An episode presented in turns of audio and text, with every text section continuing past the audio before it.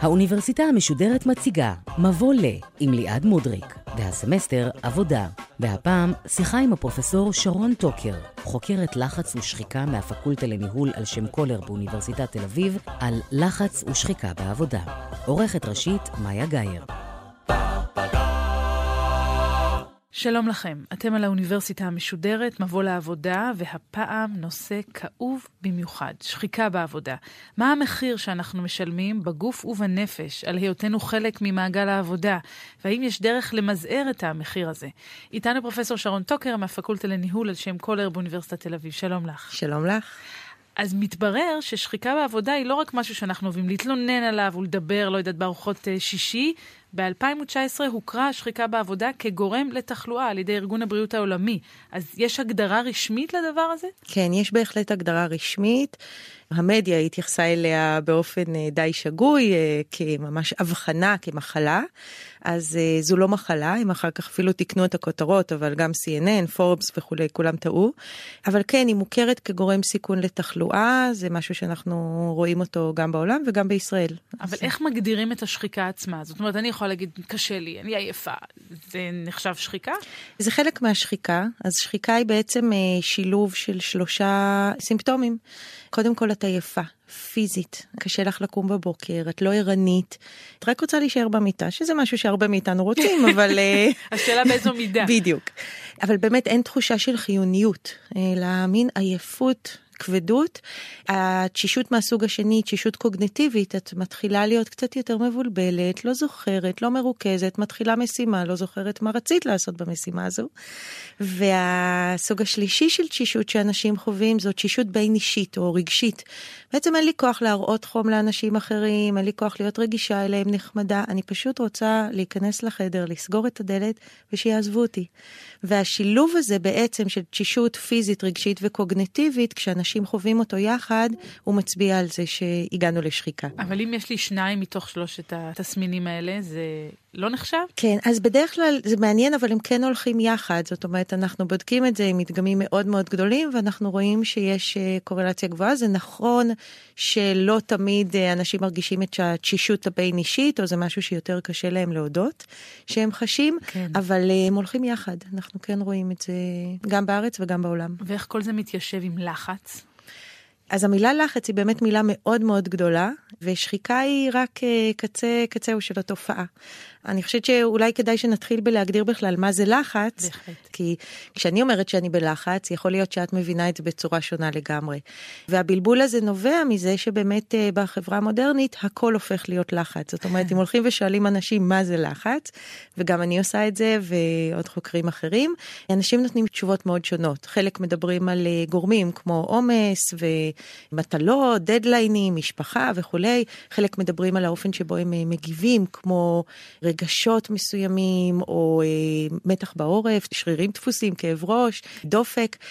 אז למעשה לחץ מתאר תופעה או איזשהו אה, רצף של תהליכים ולא מילה אחת, לא תופעה אחת. אז לחץ כולל בתוכו קודם כל את גורמי הלחץ, את הדברים שאנחנו חשופים להם, וזה יכול להיות באמת כל דבר בעולם. אם הייתי חשופה לגורמי הלחץ, מאוד חשוב איך אני תופסת אותם. זאת אומרת, איך אני מפרשת את הדבר הזה שהייתי חשופה לו. ואז אנחנו מדברים על תפיסת לחץ, איך אני תופסת דברים כמאיימים עליי או מאתגרים אותי.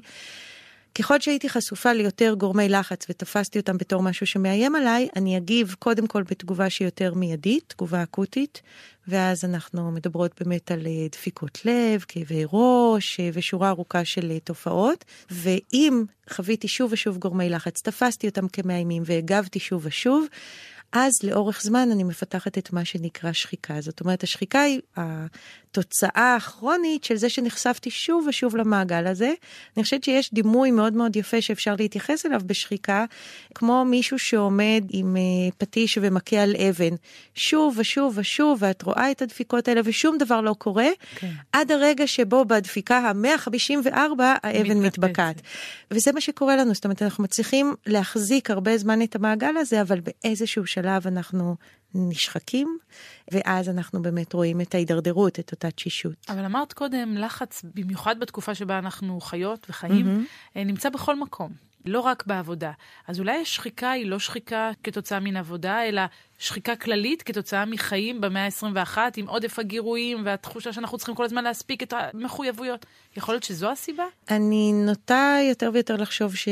כן, בואי נאמר כך, בעבר וגם היום אנחנו משקיעים את רוב שעות היממה שלנו בעבודה. אז באופן סטטיסטי, יותר גורמי לחץ מתרחשים אה, במהלך היום. אה, בשינה שלי אין הרבה גורמי לחץ, אלא אם כן. בונים בניין לידי. ולכן, אה, קודם כל, באמת רוב גורמי הלחץ הם נובעים מהמקום שבו את נמצאת רוב היום. אבל שינוי מאוד משמעותי שמתרחש בעשור האחרון הוא שאנחנו צריכים להיות מאוד מאוד טובים ולעבוד בהמון דברים אחרים. הסטנדרטים מאוד מאוד עולים. כן. במדיה החברתית אנחנו ממש עובדים, זאת אומרת, במיוחד הדור הצעיר ממש צריך לעבוד בלנהל את המדיה החברתית שלו. זו עבודה לכל דבר. אנחנו. מנהלים את מערכת היחסים, זה כבר לא מספיק לצאת ביום הנישואין למסעדה, לא, זה צריך להיות משהו מצולה. נורא גדול ולהתארגן וכולי. אז מה שקורה זה שבמקום לעבוד רק בעבודה, אנחנו מתחילים לעבוד ביום-יום, בבית, אה, עם הילדים, עם בן הזוג, וזה נהיה endless. שוחק. בדיוק. אבל אנחנו מתמקדות בשחיקה בעבודה, ואני רוצה לשאול אותך, כנקודת פתיחה, מי אשם בזה? זאת אומרת, זה אשמתנו העובדים, זה אשמת המעסיקים? למי צריך להפנות את האצבע? קודם כל, נתחיל בזה שהתשובה היא מאוד מאוד uh, תלוית אידיאולוגיה. אם אה, נשאל בארצות הברית את מי צריך להאשים, האצבע מופנית כלפי העובד. זאת ברור. אומרת, כשאת מסתכלת על מה עושים במקומות עבודה בארצות הברית, ברור לחלוטין שצריך לחנך את העובד להתמודד יותר טוב עם הלחץ. אז בעצם מה שהם אומרים שם, אם אדם בלחץ, סימן שהוא לא מתמודד. ואם הוא לא מתמודד, בואו נלמד אותו איך להתמודד. אז נעשה לו time management, נלמד אותו לנהל את הזמן, להציב יעדים וכולי. ואם גם עם אלה הוא לא מצליח, אז בואו נלמד אותו קצת מיינדפולנס ויוגה. ובסך הכל צריך לתת לו את הכלים, כי העבודה היא סבירה ורק הוא צריך להתמודד איתה. טיסה ליבשת אירופה מגלה לנו משהו שונה לחלוטין. ב-2014 האיחוד האירופי יוצא בקמפיין ענק שנקרא Healthy Workplaces Manage Stress, מקומות עבודה בריאים, הם מנהלים את הלחץ. וכשחיפשתי באתר שלהם איך הם מגדירים בכלל את המילה לחץ, ההגדרה הרשמית שם הייתה ככה: לחץ תעסוקתי אינו אשמתו של העובד, זו תוצאה של סביבת עבודה בלתי מספקת, mm. וכל מה שצריך לעשות זה לשנות את התנאים. תנאים. אז אלה שתי פרספקטיבות מאוד מאוד שונות, ומי שדיבר על זה בצורה באמת מעניינת הוא פולוק ב-1989, סוציולוג שכתב מאמר מאוד מעניין והראה שבעצם המילה לחץ כל כך תופסת אותנו כי היא מזקקת את הקושי של החיים בעולם המערבי. בעצם מה שהיא אומרת זה שזה מין מתח כזה של מי אשם, אני או הסביבה.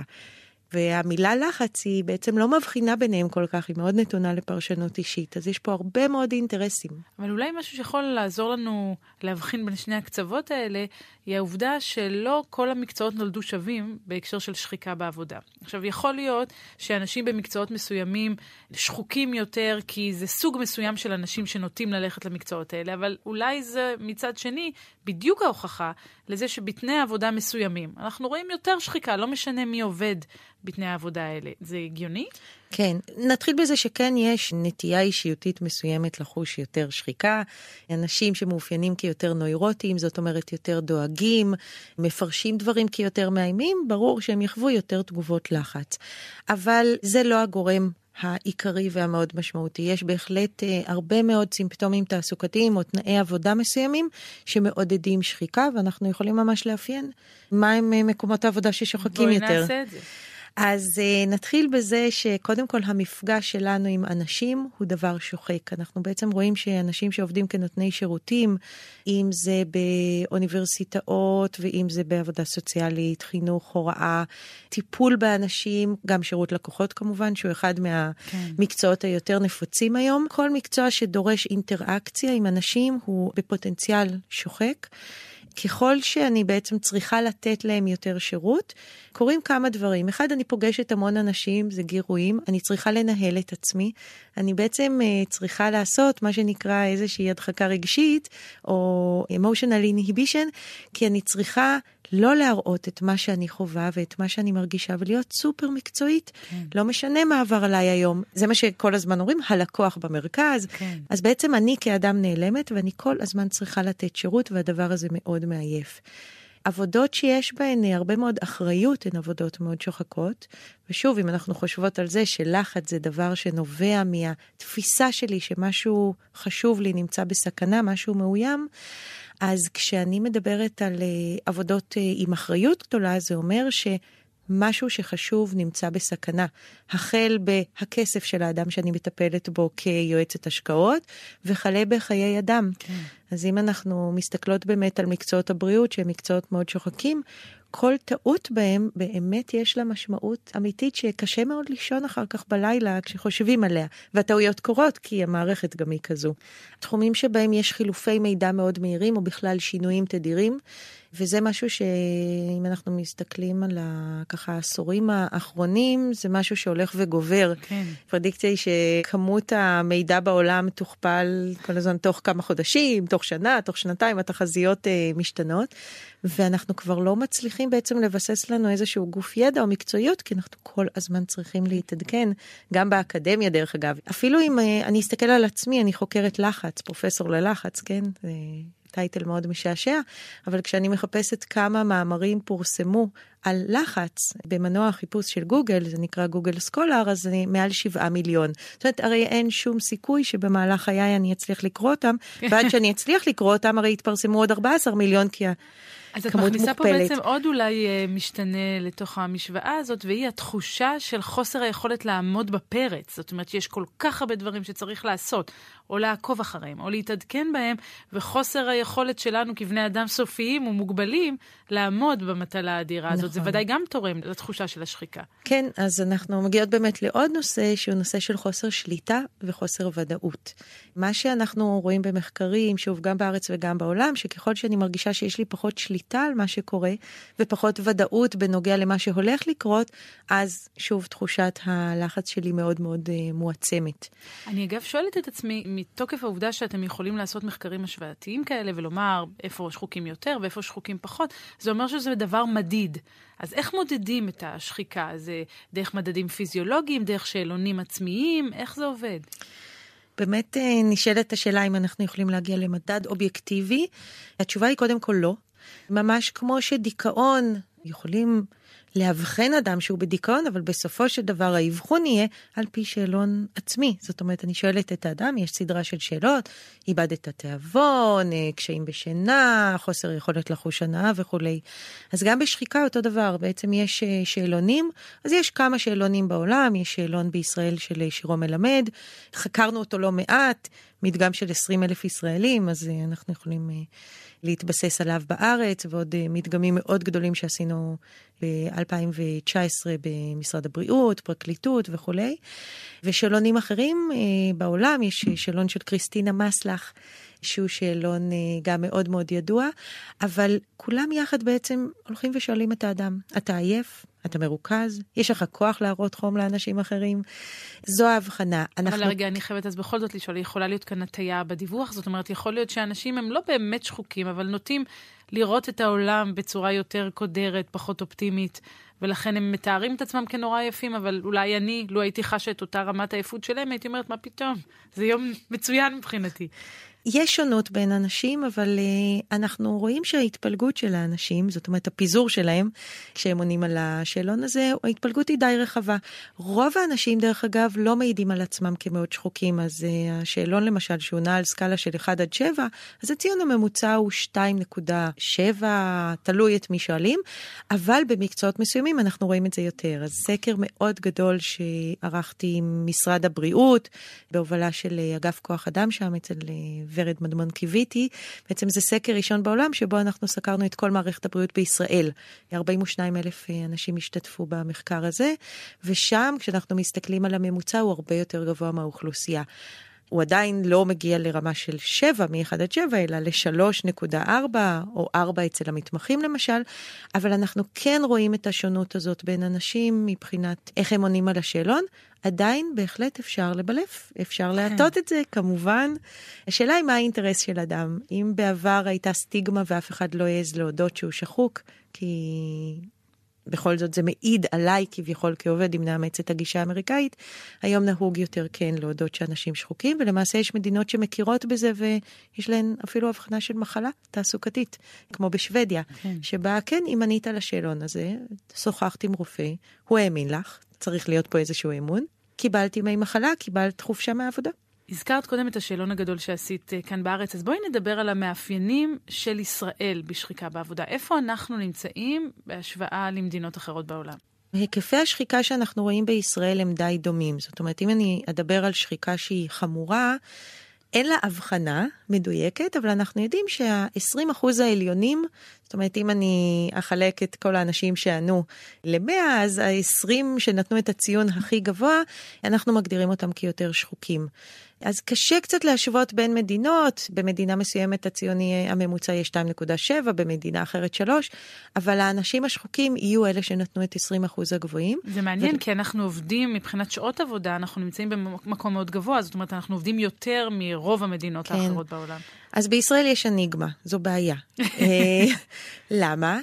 כי אנחנו אמנם עובדים הרבה מאוד שעות, זאת אומרת, מבחינת גורמי לחץ, אנחנו במקום ממש ממש גרוע בסקרים של אה, ה-OECD, של המדינות המפותחות, אה, אנחנו נמצאים במקום ממש ממש גרוע מבחינת יכולת לאזן בין בית לעבודה. נכון לשנת 2019, יש אולי ארבע מדינות במצב יותר גרוע, אם אני זוכרת נכון, מקסיקו, טורקיה, פרו וצ'ילה. יפן אולי במצב יותר גרוע, אבל כל שאר המדינות במצב יותר טוב מאיתנו. מצד שני, יש לנו כנראה איזושהי פרספקטיבה שונה על החיים.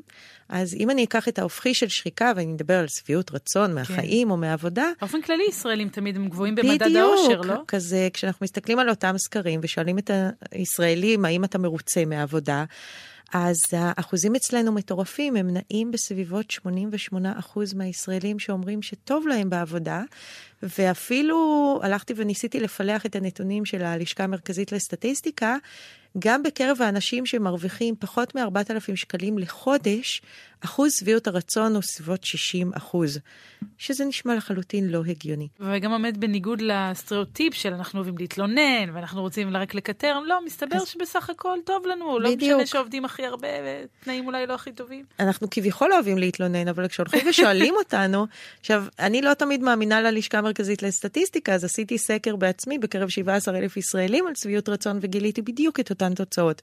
זאת אומרת שכנראה שזה נכון, וישראלים כן בסך הכל מרוצים. אני תמיד אומרת שאם הלכת למכולת, לא התפוצצת בדרך, לא היה פיגוע משהו, אז אתה אומר, בסך הכל הכל טוב, לא הייתה רעידת אדמה, הרי הכותרות אצלנו מאוד מאיימות. אבל החדשות הרעות הן שלא משנה מה הממוצע, גם אם בישראל הוא 2 נקודה משהו ובמקום אחר הוא 3, אותם 20 אחוז אנשים שנמצאים ברף הגבוה של שחיקה מועדים לפורענות. אז אנחנו רואים אצלם במחקר שערכנו ממש כאן בישראל, עלייה של 79 אחוז למשל בסיכוי לפתח מחלת לב, עלייה של 84 אחוז בסיכוי לפתח אה, סכרת. יש עוד שורה ארוכה של תופעות כמו הפרעות שינה וכאבי גב, שלד שרירים, רמות דלקת גבוהות בדם. זה נורא מעניין, זאת אומרת, מה שאת אומרת זה אנחנו לא מדברים על זה, או אנחנו לא מודים בזה, אבל אנחנו פגיעים בגלל זה, אנחנו יותר פגיעים מאחרים. אני אנסה לדייק. מה שאני אומרת זה שגם אם הציון הממוצע הוא לא כל כך גבוה, אלה, אלה שהם יותר גבוהים, הם פגיעים יותר. בדיוק, כן. הם פגיעים מאוד. בואי נאמר ככה, שאם אנחנו מסתכלות על אותו חמישון עליון, או 20 אחוז העליונים, סיכויי התחלואה שלהם הם מאוד גבוהים. אני לא אומרת שזה לא קורה בעולם. יש פשוט מעט מאוד מחקרים שבאמת הלכו ובדקו את הקשר בין אותו דיווח על שחיקה למחלות מאובחנות. אז המחקרים שאנחנו עורכים בארץ הם די פורצי דרך אה, מהבחינה הזו, כי יש לנו באמת נגישות אה, די יוצאת דופן גם לנתונים הפסיכו-תעסוקתיים של אנשים וגם למצב הבריאותי שלהם. אלה מחקרים שאנחנו עורכים כבר 18 אה, שנים בבית החולים איכילוב, במרכז לבדיקות רפואיות תקופתיות. מגיעים אלינו ישראלים בריאים לכאורה, הם באים לבדיקות תקופתיות, שגרתיות, ואנחנו עוקבים אחריהם במהלך שנתיים, שלוש, חמש עשרה, שבע עשרה שנים, ואנחנו באמת יכולים להשוות את אותם אנשים שהם לא שחוקים כביכול לאלה שהם שחוקים, ולראות שם את התוצאות. לא, אני חייבת לחזור ולומר שככל שהשיחה שלנו מתפתחת, מפלס הלחץ אצלי עולה. אז זו בעיה. למה זו בעיה? כי יש לנו גם נטייה להיות קצת stressed about stress. בדיוק. זאת אומרת, להיות לחוצים מהלחץ. אני מוצאת את עצמי לפעמים uh, בהרצאות מנסה לסנן קצת את ההשפעות הרעות של לחץ, כי אני פשוט מבינה שלא מספיק שאנשים באמת מבינים שהם חווים את העומס הזה ואת השחיקה, הם מבינים גם מה המחיר. אז מצד אחד אני אומרת, אסור להיות בת יענה וצריך אה, להיות כן wake up call, ומצד שני, ככל שאני מתארת להם יותר את התופעות, הם כמובן מוצאים אותן בעצמם. למעשה, אחד הדברים שאני אומרת לסטודנטים בשיעור הראשון בקורסים שלי על נושא של לחץ ושחיקה, זה שאם עוברת להם מחשבה להתפטר עד סוף הקורס זה בסדר, אבל שידברו איתי קודם. וכבר היו לי כמה שיחות ומנעתי כמה התפטרויות, ניסינו למצוא פתרונות אחרים, אבל זה כבר, אה, זה ריטואל די קבוע בקורס שלי, שמישהו אחד או שניים עוזב את העבודה במהלכה.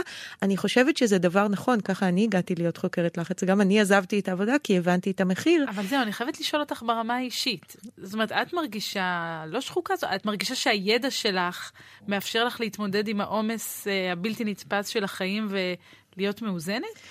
קודם כל, הסנדלרית הולכת יחפה. Okay. אוקיי. ככל שאני חוקרת את הנושא יותר, אז uh, אני מקבלת הרבה יותר פניות, גם מהארץ וגם מהעולם, לעשות דברים מאוד מעניינים. למשל, המחקר שעשינו במערכת הבריאות, והנה באמת. במו ידייך את מוסיפה עוד ללבנה לקורת הלחץ. מצד שני, הזה. וזה דבר חשוב, I do practice what I preach. וזה אומר למשל שאני זוכרת כל הזמן שאת גורמי הלחץ שלי הם דברים שאני בעצם בוחרת בהם, והנושא של בחירה הוא דבר מאוד חשוב. למעשה במחקר שעוד לא פרסמנו, אבל ככה הוא בשלבים מתקדמים כרגע, אנחנו רואים שגם אנשים שחווים הרבה עומס, אבל מבינים שהעומס הוא משהו שהם בחרו בו, הסיכוי שלהם לפתח יתר לחץ דם עם הזמן יורד. אפילו לא רק שהוא לא עולה, הוא יורד. מעניין. So you have to own it. את צריכה להכיר, וזה מה שאני אומרת גם להרבה אנשים, ברגע שאת מבינה שהעומסים שלך הם מבחירה, וכשהם מבחירה את גם יכולה לבוא ולהגיד, את הדבר הזה אני לא רוצה, או על זה אני מוכנה לוותר, וזה דבר שאני עושה הרבה. זאת אומרת, אני לוקחת פרויקטים, אבל יש גם לא מעט פרויקטים שאני אומרת, עם כל הכבוד, הסטטוס, היוקרה, או אפילו התשלום, אני אומרת להם לא, גם אם זה באמצע, ואומרת תודה. ואני חושבת שזה משהו שהיום אנחנו כציבור כל כך אה, נתונים לכל כך הרבה פיתויים, זה ה-fear of missing out, כי הכל שם ואני רוצה להספיק את הכל. אז אני עושה הרבה פעמים עצירות ומפסיקה את הדברים. צריך לומר אבל ביושר שלא לכולם יש את הבחירה הזאת. לפעמים יש שחיקה שאת לא יכולה לווסת אותה כי אין לך את האפשרות של הבחירה. ואני שואלת את עצמי, אגב, זו תופעה של העידן המודרני, שחיקה בעבודה, או שזה משהו שתמיד היה פשוט אולי בגלל גורמים אחרים? גם החקלאי במאה ה-12 היה שחוק. כן. המילה שחיקה, כמו שאנחנו משתמשים בה היום, הומצאה פחות או יותר בשנות ה-70-80, ככה שאני לא יודעת להגיד מה היה קודם. יותר מעניין אפילו שהמילה סטרס בכלל הומשגה 1950, שזה סיפור מעניין דרך נכון. אגב, מאוד מאוד מעניין בכלל מי המציא את המילה לחץ. אין לי מושג מה היה במאה ה-15, 17 וכולי, כי פשוט לא מדדו את זה. אני כן יכולה לספר שכל העיסוק בשחיקה שנולד כתוצאה מהעיסוק בלחץ, התחיל אה, בעצם אה, משהו כמו 130 שנה אחורה. בהתחלה קצת דיברו על אה, חוסר איזון של הגוף, אחר כך המציאו את המונח של fight or flight, ברח או יילחם, כשאתה נמצא בסכנה, אבל דובר ממש על סכנת חיים למעשה. לא דברים שאנחנו חווים היום, זה לא לעשות פרזנטציה כרגע מול כן. המנהלת שלי. ומי שבעצם טבע את המונח הזה הוא אה, היה אנדוקרינולוג הונגרי בשם אה, האנס סליה, והאנס סליה בכלל חקר חולדות במעבדה ורצה לראות איך אה, הזרקה של הורמונים מהשליה תורמים לאולקוס וכל מיני תופעות אחרות. ומה שאותו האנסל יהיה מגלה, שלא משנה מה הוא מזריק לחולדות, כולן מפתחות אולקוס. הוא לא מבין למה, אז הוא עושה שורה של ניסויים, וחושף אותן לכל מיני תנאים מחרידים, לא רק הזרקות, לחלק הוא שובר את הרגליים, חלק הוא מחשמל, באמת ניסויים מזעזעים. והוא רואה שכולן באמת מפתחות איזושהי תגובה. חוץ מהחולדות שהפעם הוא שם אותן בצד ולא נגע בהן. ואז כן. הוא אומר, אוקיי, כנראה שלא משנה מה גורם הלחץ שהאורגניזם או שהחולדה הזו חווה, היא תגיב באותה צורה לא אדפטיבית ותהפוך לחולה. והנה השחיקה שאנחנו מפתחים עם הזמן. ואז הוא קורא לתופעה הזאת תסמונת ההסתגלות הכללית, ואחר כך הוא קורא לה לחץ, ממש סטרס כמו שאנחנו משתמשים בו היום. אני מאמינה שרוב השומעים שלנו לא מכירים את השם האנסליה, אבל הנה משהו ממש ממש מעניין שהתגלה ב-2011. אז בעצם בפרוטוקולים אה, משפטיים שנחשפו, התברר שהאנסליה לא היה כל כך תמים, כשהוא התחיל לדבר על לחץ ותחלואה, ולמעשה היה מישהו שהיה לו אינטרס לממן את המחקרים שלו, ובכלל לגרום לנו לחשוב שכל מיני מצבים רגשיים שלנו פוגעים בבריאות שלנו, ואלה לא חברות התרופות, כמו שהרבה אנשים חושבים, אלא? וגם לא הפסיכולוגים, אלא חברות הטבק. תסבירי. מה קרה? בעצם בשנות ה-50 מתחילים לתבוע את חברות הטבק על חלקן בקשר שבין אה, עישון וסרטן ריאות, והן חייבות למצוא שעיר אחר לעזאזל. אה, זה לא סיגריה, זה הלחץ. בדיוק. הבנתי. אז הן מממנות את המחקרים. מחקרים שלו ושל חוקרים אחרים, ולא סתם הן משלמות לו כדי שיעיד בבית משפט, שאם תפסיק לעשן, זה כל כך יכניס אותך ללחץ שתחלה מזה, ולכן אסור להפסיק לעשן. אה, אז זה מה שקרה עם האנסליה ועם חוקרים אחרים, ובעצם הם אה, הלכו והפיצו את המודעות לזה דרך פרסומות. אז בהרבה מאוד מהפרסומות ממש רואים אנשים מעשנים, והכותרת היא האם אתה רוצה להוריד את הלחץ שלך, את החרדה שלך וכולי. לטובת מאזיננו, זה לא נכון. אתם יכולים להפסיק לעשן, ואף רצוי שתפסיקו לעשן. בדיוק. העונש שהוא קיבל, דרך אגב, כי הוא היה מועמד תשע פעמים לפרס נובל ולא זכה, הוא כתב אלפי מאמרים, עשרות ספרים, ומי שיחפש פרטים עליו עכשיו, פתאום יגלה את הנושא הזה של חברות הטבק, באמת החתימו את שמו, כי אנחנו רואים כמה יש כאן אג'נדות שמסתתרות מאחורי זה שמפמפמים לנו שלחץ זה דבר רע. אז זהו, אגב אג'נדות, כי אנחנו מדברות עכשיו כל הזמן שלחץ זה דבר רע, אבל אני זוכרת שלחץ גם יכול להיות טוב. יש את עקומת הפעמון המפורסמת, אם מלחיצים אותי קצת, אני נהיית יותר טובה במה שאני עושה, מאשר אם אני כל הזמן רגועה כן. ולא אכפת לי. אז עקומת הפעמון שבאמת ניסחו אותה ירקס ודודזון בסביבות 1905, היא אחד המיתוסים הגדולים. זה לא נכון? והמפוברקים, בדיוק. אז מה שקרה זה שגם הם, מסתבר, עשו את המחקר שלהם על חולדות. ואז התנאים היו גם קצת כמו אצל האנסליה, הם שמו אותן במים ממש קרים והן לא שחו טוב, ומים ממש רותחים, מסתבר שלא שוחים טוב במים רותחים, ובמים פושרים באמצע הן שחו די טוב, וככה הם עשו עם עוד כמה דברים, מעט מדי אוכל או הרבה מדי אוכל. ואז הם בעצם אה, המציאו את אותה עקומת פעמון שאומרת רמה בינונית של לחץ היא דבר טוב, אבל אני אתקן ואומר לא, בואי נחליף את המילה לחץ במילה גורמי לחץ. אם נשים שם את המילה גורמי לחץ, אני יכולה לחיות עם זה בשלום. נכון, אתגר, יעדים, עניין בעבודה, במידה בינונית זה יכול להיות ברמה טובה, אבל ברגע שחווית גורמי לחץ ותפסת אותם בתור משהו שמאיים עלייך והגבת, תגובת הלחץ היא אף פעם לא טובה. אנחנו רואים קשר שלילי מאוד מאוד ברור, לא משנה מהו גורם הלחץ, ככל שאת חווה אותו יותר, התפקוד שלך רע יותר, ולכן הבנתי, זה מיתוס. הבנתי, רשמתי, הפנמתי. אז מה עושים? איך אנחנו יכולות בכל זאת להרגיע קצת את מפלס הלחץ העולה? אם באמת נתייחס ללחץ כתהליך ולא כמילה אחת, אז יש לנו המון מה לעשות. אמרנו שבכלל כל התהליך הזה מתחיל בחשיפה לגורמי לחץ. ואז אחד הדברים הראשונים שאנחנו צריכים לעשות זה לשאול את עצמנו וממש לעשות מיפוי של מהם גורמי הלחץ המשמעותיים בחיים שלי כרגע, גם בעבודה וגם בחיים הפרטיים. ולהתחיל אה, לראות את מה מהדברים אני יכולה להוריד. הרבה אנשים אומרים, לא, מה פתאום, המחיר יהיה מאוד גבוה. ואני שואלת אותם שוב, האם המחיר יהיה באמת עד כדי כך גבוה, אם תסרב להצעה הזו, או אם הקידום יגיע בתקופה יותר מאוחרת, או כן, אם לא תצא לטיול של השלושה שבועות ותצטלם שם על החוף. כי אתה צריך כרגע לעבוד בשבילו ארבעה חודשים כדי לממן אותו. אז קודם כל, הסרה של גורמי הלחץ, ממש כמו ברפואה ראשונית שמונעת את החשיפה לזיהומים, למחוללי זיהום, היא הדבר הכי חשוב. דבר שני שמאוד עוזר זה נושא של תפיסת לחץ. בעצם אמרנו שמתי אני אגיב בתגובת לחץ? כשאני תופסת את גורם הלחץ בתור דבר מאוד מאיים. אז אם כל החיים שלנו הופכים להיות כאלה שצריכים רוצים להצטלם נורא יפה לאינסטגרם ולהיות מושלמים, אנחנו צריכים לשאול את עצמנו מה המחיר שאנחנו חושבים שאנחנו משלמים בגלל כל גורם כזה ועד כמה הוא נכון. אז uh, מחקרים מראים שטיפול קוגניטיבי התנהגותי, בעצם טיפול פסיכולוגי שהוא לא, לא לבוא ולשאול אותי האם אימא שלך הניקה אותך או להאשים את ההורים בכל דבר, אלא האם הצורה שבה את תופסת דברים היא נכונה או קצת מוגזמת. פחות חשיבה של שחור ולבן, פחות חשיבה קטסטרופלית. אז אנחנו בעצם מנסים לעזור לאנשים לפענח למה הם תופסים שעות ארוכות או כל מיני גורמי לחץ אחרים בתור משהו שמאיים עליהם ולהפחית את תחושת האיום. אז זה דבר שמאוד עוזר.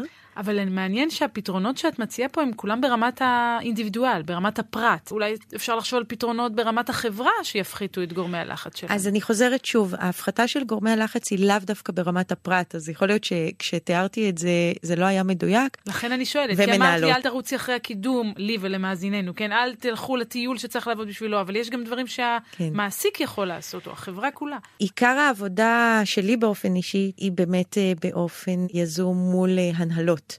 ושם אנחנו בעצם אה, מלמדים את האחראים והאחראיות לזהות את גורמי הלחץ בארגון שלהם ולהבין את האחריות האישית שלהם כהנהלה להסרה שלהם. למעשה, את ה, בדרך כלל את הפגישה שלי איתם אני מתחילה בזה שכשרופא מקבל עליו את עול הרפואה, הוא צריך אה, להישבע בשבועת היפוקרטס שמתחילה בראשית כל אל תזיק. כן. אני אומרת להם שכשמנהל מקבל את האחריות עליו, הוא לא צריך להישבע בשום דבר. ואני מציעה להם כן להבין שיש להם פוטנציאל נזק מאוד גדול. אז ברמה הארגונית או לאומית, חד משמעית, זה מה שצריך לעשות. למשל, הסקר המאוד גדול שעשינו עכשיו במערכת הבריאות, הוא סקר שהולך ושואל את העובדים מה הם חווים, מה הם גורמי הלחץ, ופונה לכל ארגוני הבריאות בארץ, שמונים כ-70 ארגונים, 130 אלף עובדים, ומטיל את האחריות לפתחם. אומר, הנה מה שמצאנו, ובואו נמצא עכשיו פתרון ברמה הארגונית. אז מה עושים ברמה הארגונית והלאומית הוא מאוד מאוד ברור. עבודה דומה עשינו, דרך אגב, עם כל הפרקליטות בישראל, משרד המשפטים. זה מה שקשור למעסיק. ברמה של העובד, יש לנו נושאים אחרים. אז הנושא של העלאת מודעות של ארגונים ובכלל של הציבור היא מאוד חשובה. דרך אגב, יש אה, ממש יוזמות עכשיו גם של המועצה לבריאות העובד וכולי, לטפל בנושא. המודעות מאוד מאוד מתעוררת. ברמה האישית, אנחנו צריכים להתחיל גם, כמו שאני אומרת, קצת לסרב למה שהחברה מכתיבה לנו. יש לנו כאן... אה, מסרים מאוד כפולים שאנחנו מקבלים, גם להגשים את עצמנו, ומצד שני אנחנו הופכים לעבדים. אנשים שאני מדברת איתם הם בדרך כלל גם בעמדות ניהוליות, ולכן דרכם אפשר לעשות המון שינוי. אבל בסופו של דבר, היה ואנחנו לכודים, לא תמיד יש לנו את החופש. וחווינו הרבה גורמי לחץ ותפסנו אותם בתור מלחיצים, אז אני צריכה לשאול את עצמי איך אני יכולה לשנות את הצורה שבה אני מגיבה לגורמי הלחץ האלה.